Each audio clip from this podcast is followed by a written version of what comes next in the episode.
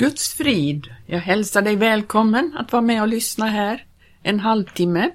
Jag heter Gertrud Johansson och jag vill återigen dela med mig lite tankar jag har som jag hoppas skulle, ska kunna bli till eh, välsignelse och vägledning för någon. Vi har några tillfällen här i närradion talat om bönen och bönens nödvändighet, bönens eh, styrka och allt. Mm, vi behöver bedja för att ha en ständig kontakt med vår Fader i himmelen, med Jesus som är vår herde och mästare. Ehm, vi har talat om bönämnena och vi talade då om eh, Paulus bönämnen, att han bad för sina medvandrare, att de skulle bli uppfyllda av kunskap om Guds vilja i allt slags vishet och andligt förstånd. Andlig vishet och andligt förstånd. Jag tänkte jag skulle ägna den här gången till att tala lite om detta med andlig vishet och andligt förstånd. Vi kan börja med att läsa i Ordspråksboken, där det står i kapitel 2 där läser vi från första versen. Min son, om du tager emot mina ord och gömmer mina bud inom dig, så att du låter ditt öra akta på visheten och böjer ditt hjärta till klokheten. Ja, om du ropar efter förståndet och höjer din röst till att kalla på klokheten. Om du söker efter henne såsom efter silver och letar efter henne såsom efter en skatt, då ska du förstå Herrens fruktan och Guds kunskap ska du då finna. Ty Herren är den som giver vishet. Från hans mun kommer kunskap och förstånd. Och de redliga förvarar hans sällhet. Han är en sköld för dem som vandrar i ostrafflighet, ty han beskyddar det rättas stigar och sina frommas väg bevarar han. Då ska du förstå rättfärdighet och rätt och redlighet. Ja, det godas alla vägar, ty visheten ska draga in i ditt hjärta och kunskapen känns ljuvlig för din själ. Eftertänksamheten skall vaka över dig, klokheten skall beskydda dig. Så skall hon rädda dig från det ondas väg, från män som talar vad vrångt är, från dem som hava övergivit de rätta stigar för att färdas på mörkrets vägar, från dem som glädjas att göra ont och fröjda sig åt ondskans vrånga väsen, från dem som går på krokiga stigar och vandrar på förvända vägar. Att få denna Guds vishet som vi läser om här, det är som vi ser här ett väldigt beskydd från att komma fel i dessa dagar när det är så mycket som eh, kan leda en människa vilse. Det är mer än någonsin. Allting sköljer ju över oss genom alla dessa möjligheter att ta in kunskap från alla håll i våra dagar. Detta hade man ju inte förr. Man hade inte de här möjligheterna genom internet och genom allt som vi kan ta del av, genom alla slags eh Eh, möjligheter att ta in det genom tv, radio eh, och, och alla dessa appar, dessa jag menar alla dessa eh, poddar, tänkte jag säga, och allt möjligt som människor talar och, och det kan förvända och eh, få människor på eh, avvägar. Men har vi då tagit emot denna vishet i vårt innersta hjärta, då kan det bevara oss. Det ska vaka över oss helt enkelt. Det ska rädda oss från det ondas väg, står det i den här, det här bibelordet. I tredje kapitlets trettonde vers så står det Säll är den människa som har funnit visheten, den människa som undfår förstånd. Ty bättre är att förvärva henne än att förvärva silver och den vinning hon giver är bättre än guld. Dyrbarare är hon än pärlor. Allt vad härligt du äger går ej upp mot henne. Långt liv bär hon i sin högra hand, i sin vänstra rikedom och ära. Hennes vägar är ljuvliga vägar och alla hennes stigar är trygga. Ett livets träd är hon för dem som får henne fatt och sälla må det prisas som håller henne kvar. Genom vishet har Herren lagt jordens grund.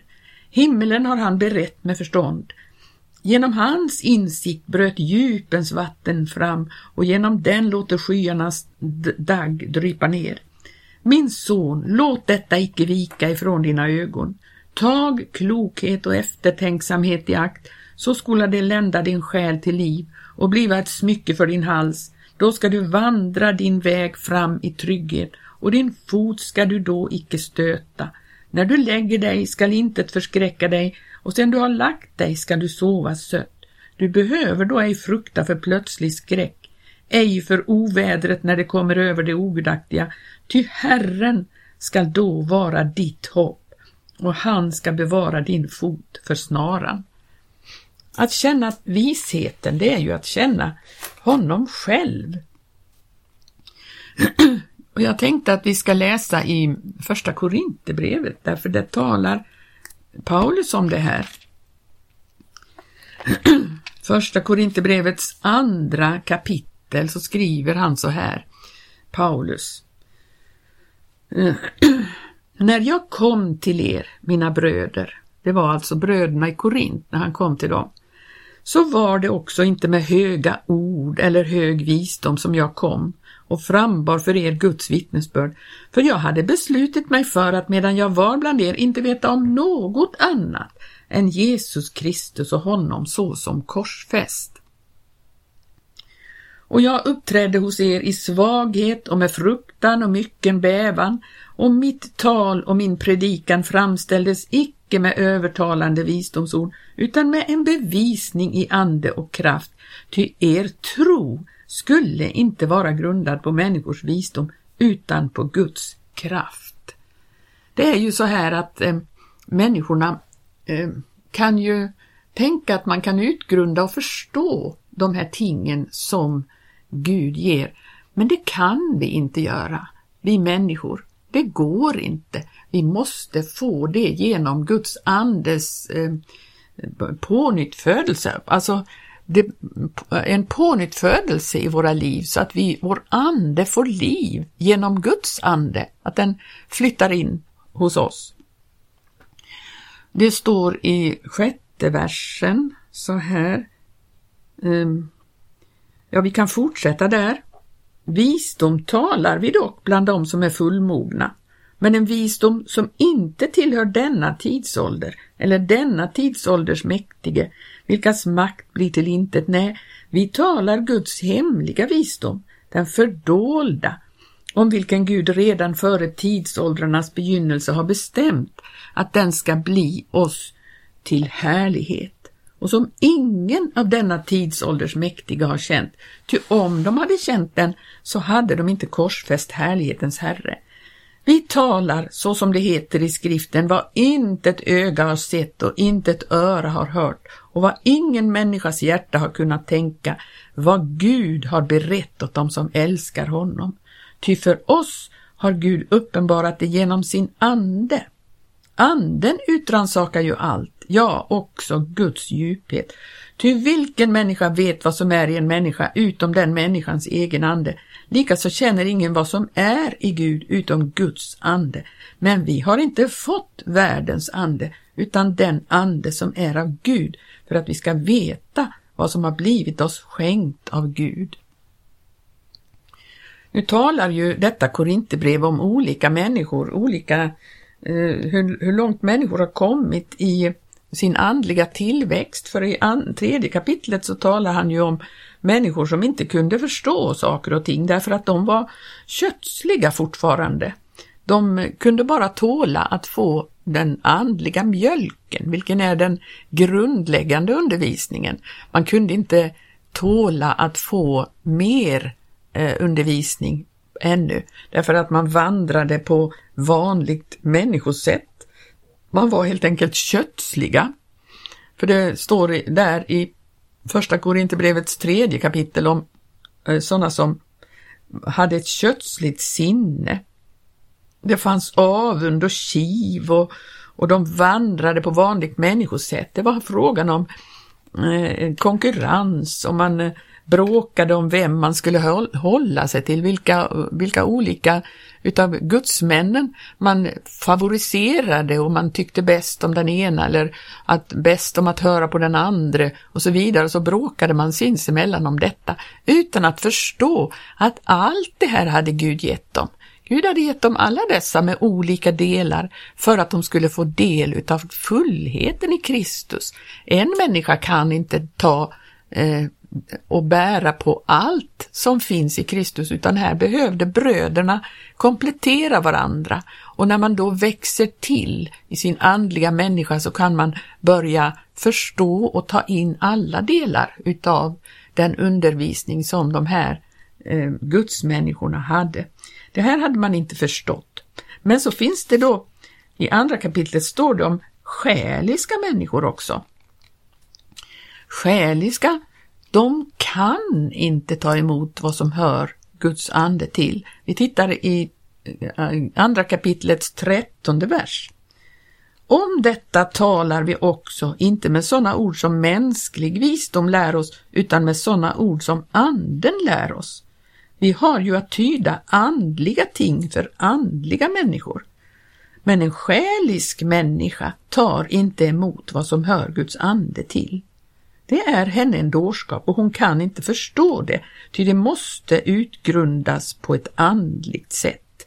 Den andliga människan åter kan utgrunda allt, men själv kan hon inte utgrundas av någon. Ty vem har lärt känna Herrens sinne så att han skulle kunna undervisa honom? Men vi har Kristi sinne. Det här är viktigt att förstå. Det finns en del som är bland de kristna som är själiska. Och jag vet inte, jag, jag vet inte om jag har rätt i det här, men jag tycker att det är ett större problem än de här kötsliga kristna, för de kan åtminstone växa till. Och eh, det verkar så. Men de här själiska, de har på något sätt väldigt svårt att ta emot vad Guds ande vill lära dem. Och vad, då, vad är då en själisk människa? Vad handlar det om? Jo, men det handlar om att man förväxlar eh, vad som är andligt och, och förväxlar det med sånt som är känslosamt eller som är väldigt eh, med, eh, vackert och, och tilltalar det mänskliga sinnet. Man, man förväxlar det med andlighet. Det kan handla om sentimentalitet eller ja, känslighet. Alltså även den ofrälsta människan är ju, har ju känslor och kan känna allt möjligt. Och detta förväxlar dessa själiska människor med andliga ting. Men en andlig människa kan, kan se skillnad på det eller känna skillnad på detta.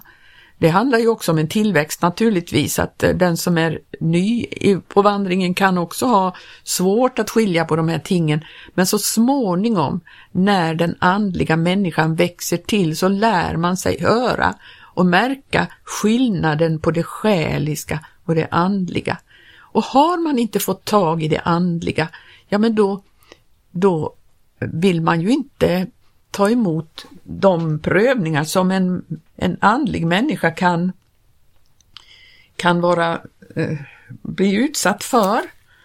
Eh, för att eh, vi, vi har ju en helt annat perspektiv när man är en andlig människa. Man har ett helt annat perspektiv.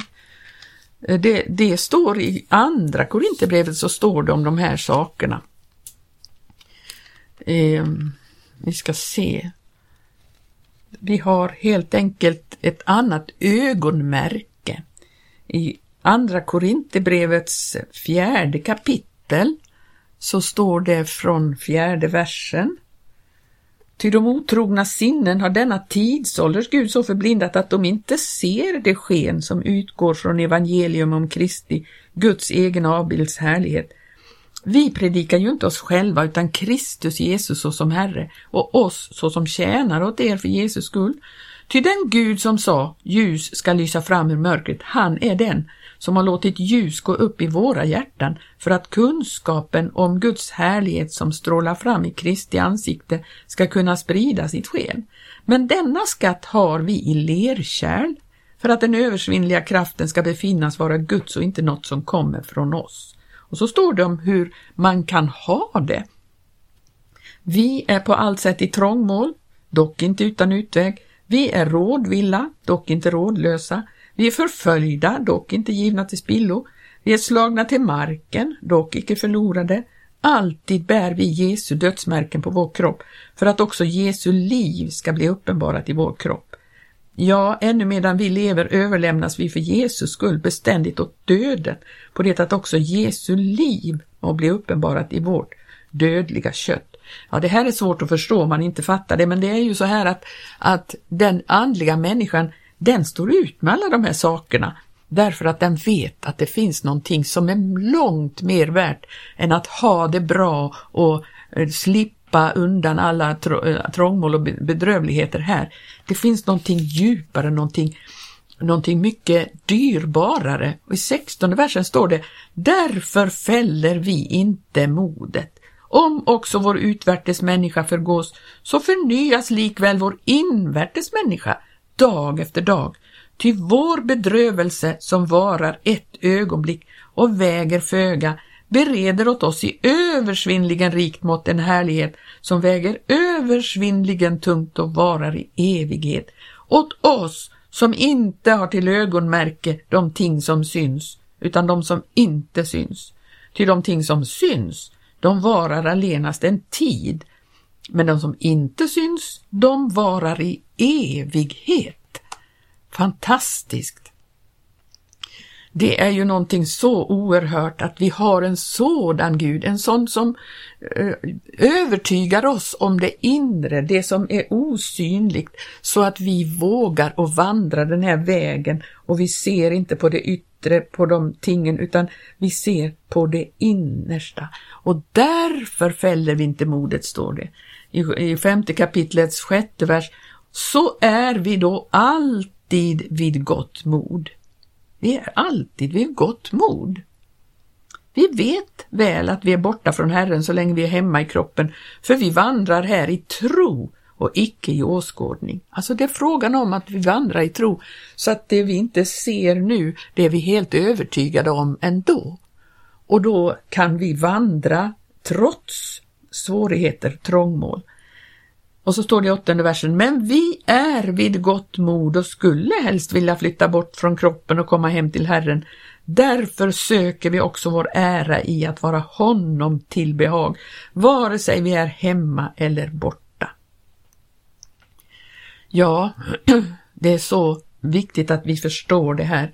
Vi kan titta i sjätte kapitlet också, hur det kan vara Ehm, första versen, men så som medarbetare förmanar vi er också att inte så mottaga Guds nåd för det blir utan frukt. Han säger ju, jag bönhör dig i behaglig tid och jag hjälper dig på frälsningens dag. Se nu är den välbehagliga tiden, se nu är frälsningens dag. Och så kan vi läsa om hur de här eh, vandrade, hur de kunde ha det. Det står härvid vill vi inte i något stycke vara till någon anstöt på det att vårt ämbete inte må bli smädat.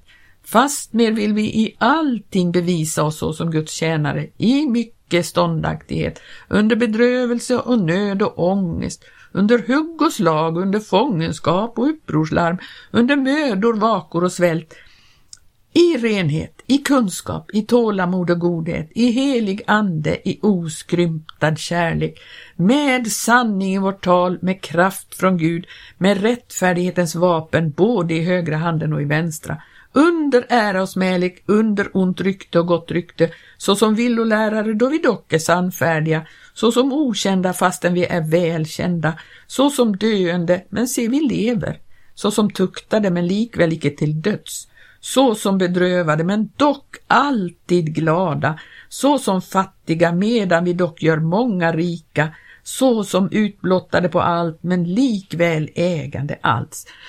Kan ni som hör det här fatta och förstå vilken segerrik ställning det är att inte vara beroende av de yttre tingen utan ha en sån inre visshet och inre glädje, en inre eh, kompass som säger oss att vi är vid gott mod, vi är på rätt väg, vi har vi har detta att se fram emot den härlighet som Gud bereder åt oss.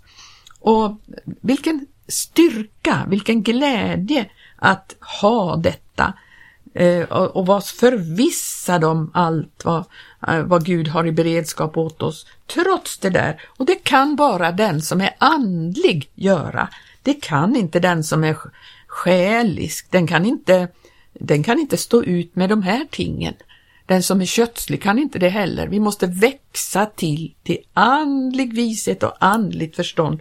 Och då måste vi ha denna ständiga kontakt med vår Fader i himmelen genom bönen och fortsätta kämpa eh, genom hans kraft och hans eh, ja, genom det som han ger, det andliga livet, att det får växa till i oss. Medans vår utvärtes människa begås, så förnyas vår invärtes människa. I Habakuk står det så här, eh, det kan vara eh, tider när, när eh, Gud kommer med, med dom över Eh, Eh, tillvaron och det står så här i tredje kapitlets femtonde vers. Du far med dina hästar fram över havet, över de stora vattnens svall, det är ju mänsklighetens hav. Jag hör det och darrar i mitt innersta, vid dånet skälvar mina läppar och maktlöshet griper benen i min kropp. Jag darrar på platsen där jag står, ty jag måste ju stilla uthärda nödens tid medan det kommer som ska tränga folket. Ja, fikonträdet blomstrar icke mer och vinträden ger ingen skörd. Olivträdets frukt slår fel och fälten alstrar ingen äring. Fåren ryckas bort ur follorna och inga oxar finns mer i stallet. Så kan det bli när Guds dom måste gå över. Men så står det så här. Likväl vill jag glädja mig i Herren och fröjda mig i min frälsnings Gud. Herren, Herren är min starkhet. Han gör mina fötter så som hindens och låter mig gå fram över mina höjder. Fantastiskt. Gud är densamme och han, han kommer inte att svika dem som hör honom till. I psalm 139 så står det om detta med att Herren utransakar och känner oss och därför så, det står så här i femte versen, du omsluter mig på alla sidor och håller mig i din hand. Tänk att det finns ingenting som eh, han, vi kan dölja för honom. Om jag sa i elfte versen, mörker må betäcka mig och ljuset blir natt omkring mig, så skulle själva mörkret inte vara mörkt för dig. Natten skulle lysa så som dagen, ja, mörkret skulle vara så som ljuset. Och så står det om eh, att våra dagar blev uppskrivna i din bok, de var bestämda förrän någon av dem hade kommit till. Så att vi är trygga i hans, hans vård. Det står i 23 versen, utransaka mig Gud och känn mitt hjärta, pröva mig och känn mina tankar och se till om jag är stadd på en olycksväg och led mig på den eviga vägen. Vi kan vara trygga i att vi har Herren. Och då när det växer till vår invärtes människa, då kan vi tåla prövningarna som vi utsätts för. Och vi kan förstå att vi mitt i alla prövningar har detta underbara hopp. Och det bär oss igenom alla dessa tider. Och då gläder vi oss mitt i alltihop. Och vi kan Eh, lita på honom, vi kan vara trygga så att vi inte fäller modet som vi läste om i det här eh, programmet också. Gud välsigne dig att lita på Gud i alla livets förhållanden. Tacka honom i alla livets förhållanden och lita på honom. Låt din andliga människa växa till så att du kan skilja mellan vad som är ande, andligt, vad som är själiskt och vad som är kötsligt och bara ta emot det som anden talar till oss och ger oss. Gud välsigne dig så hörs vi igen om en vecka.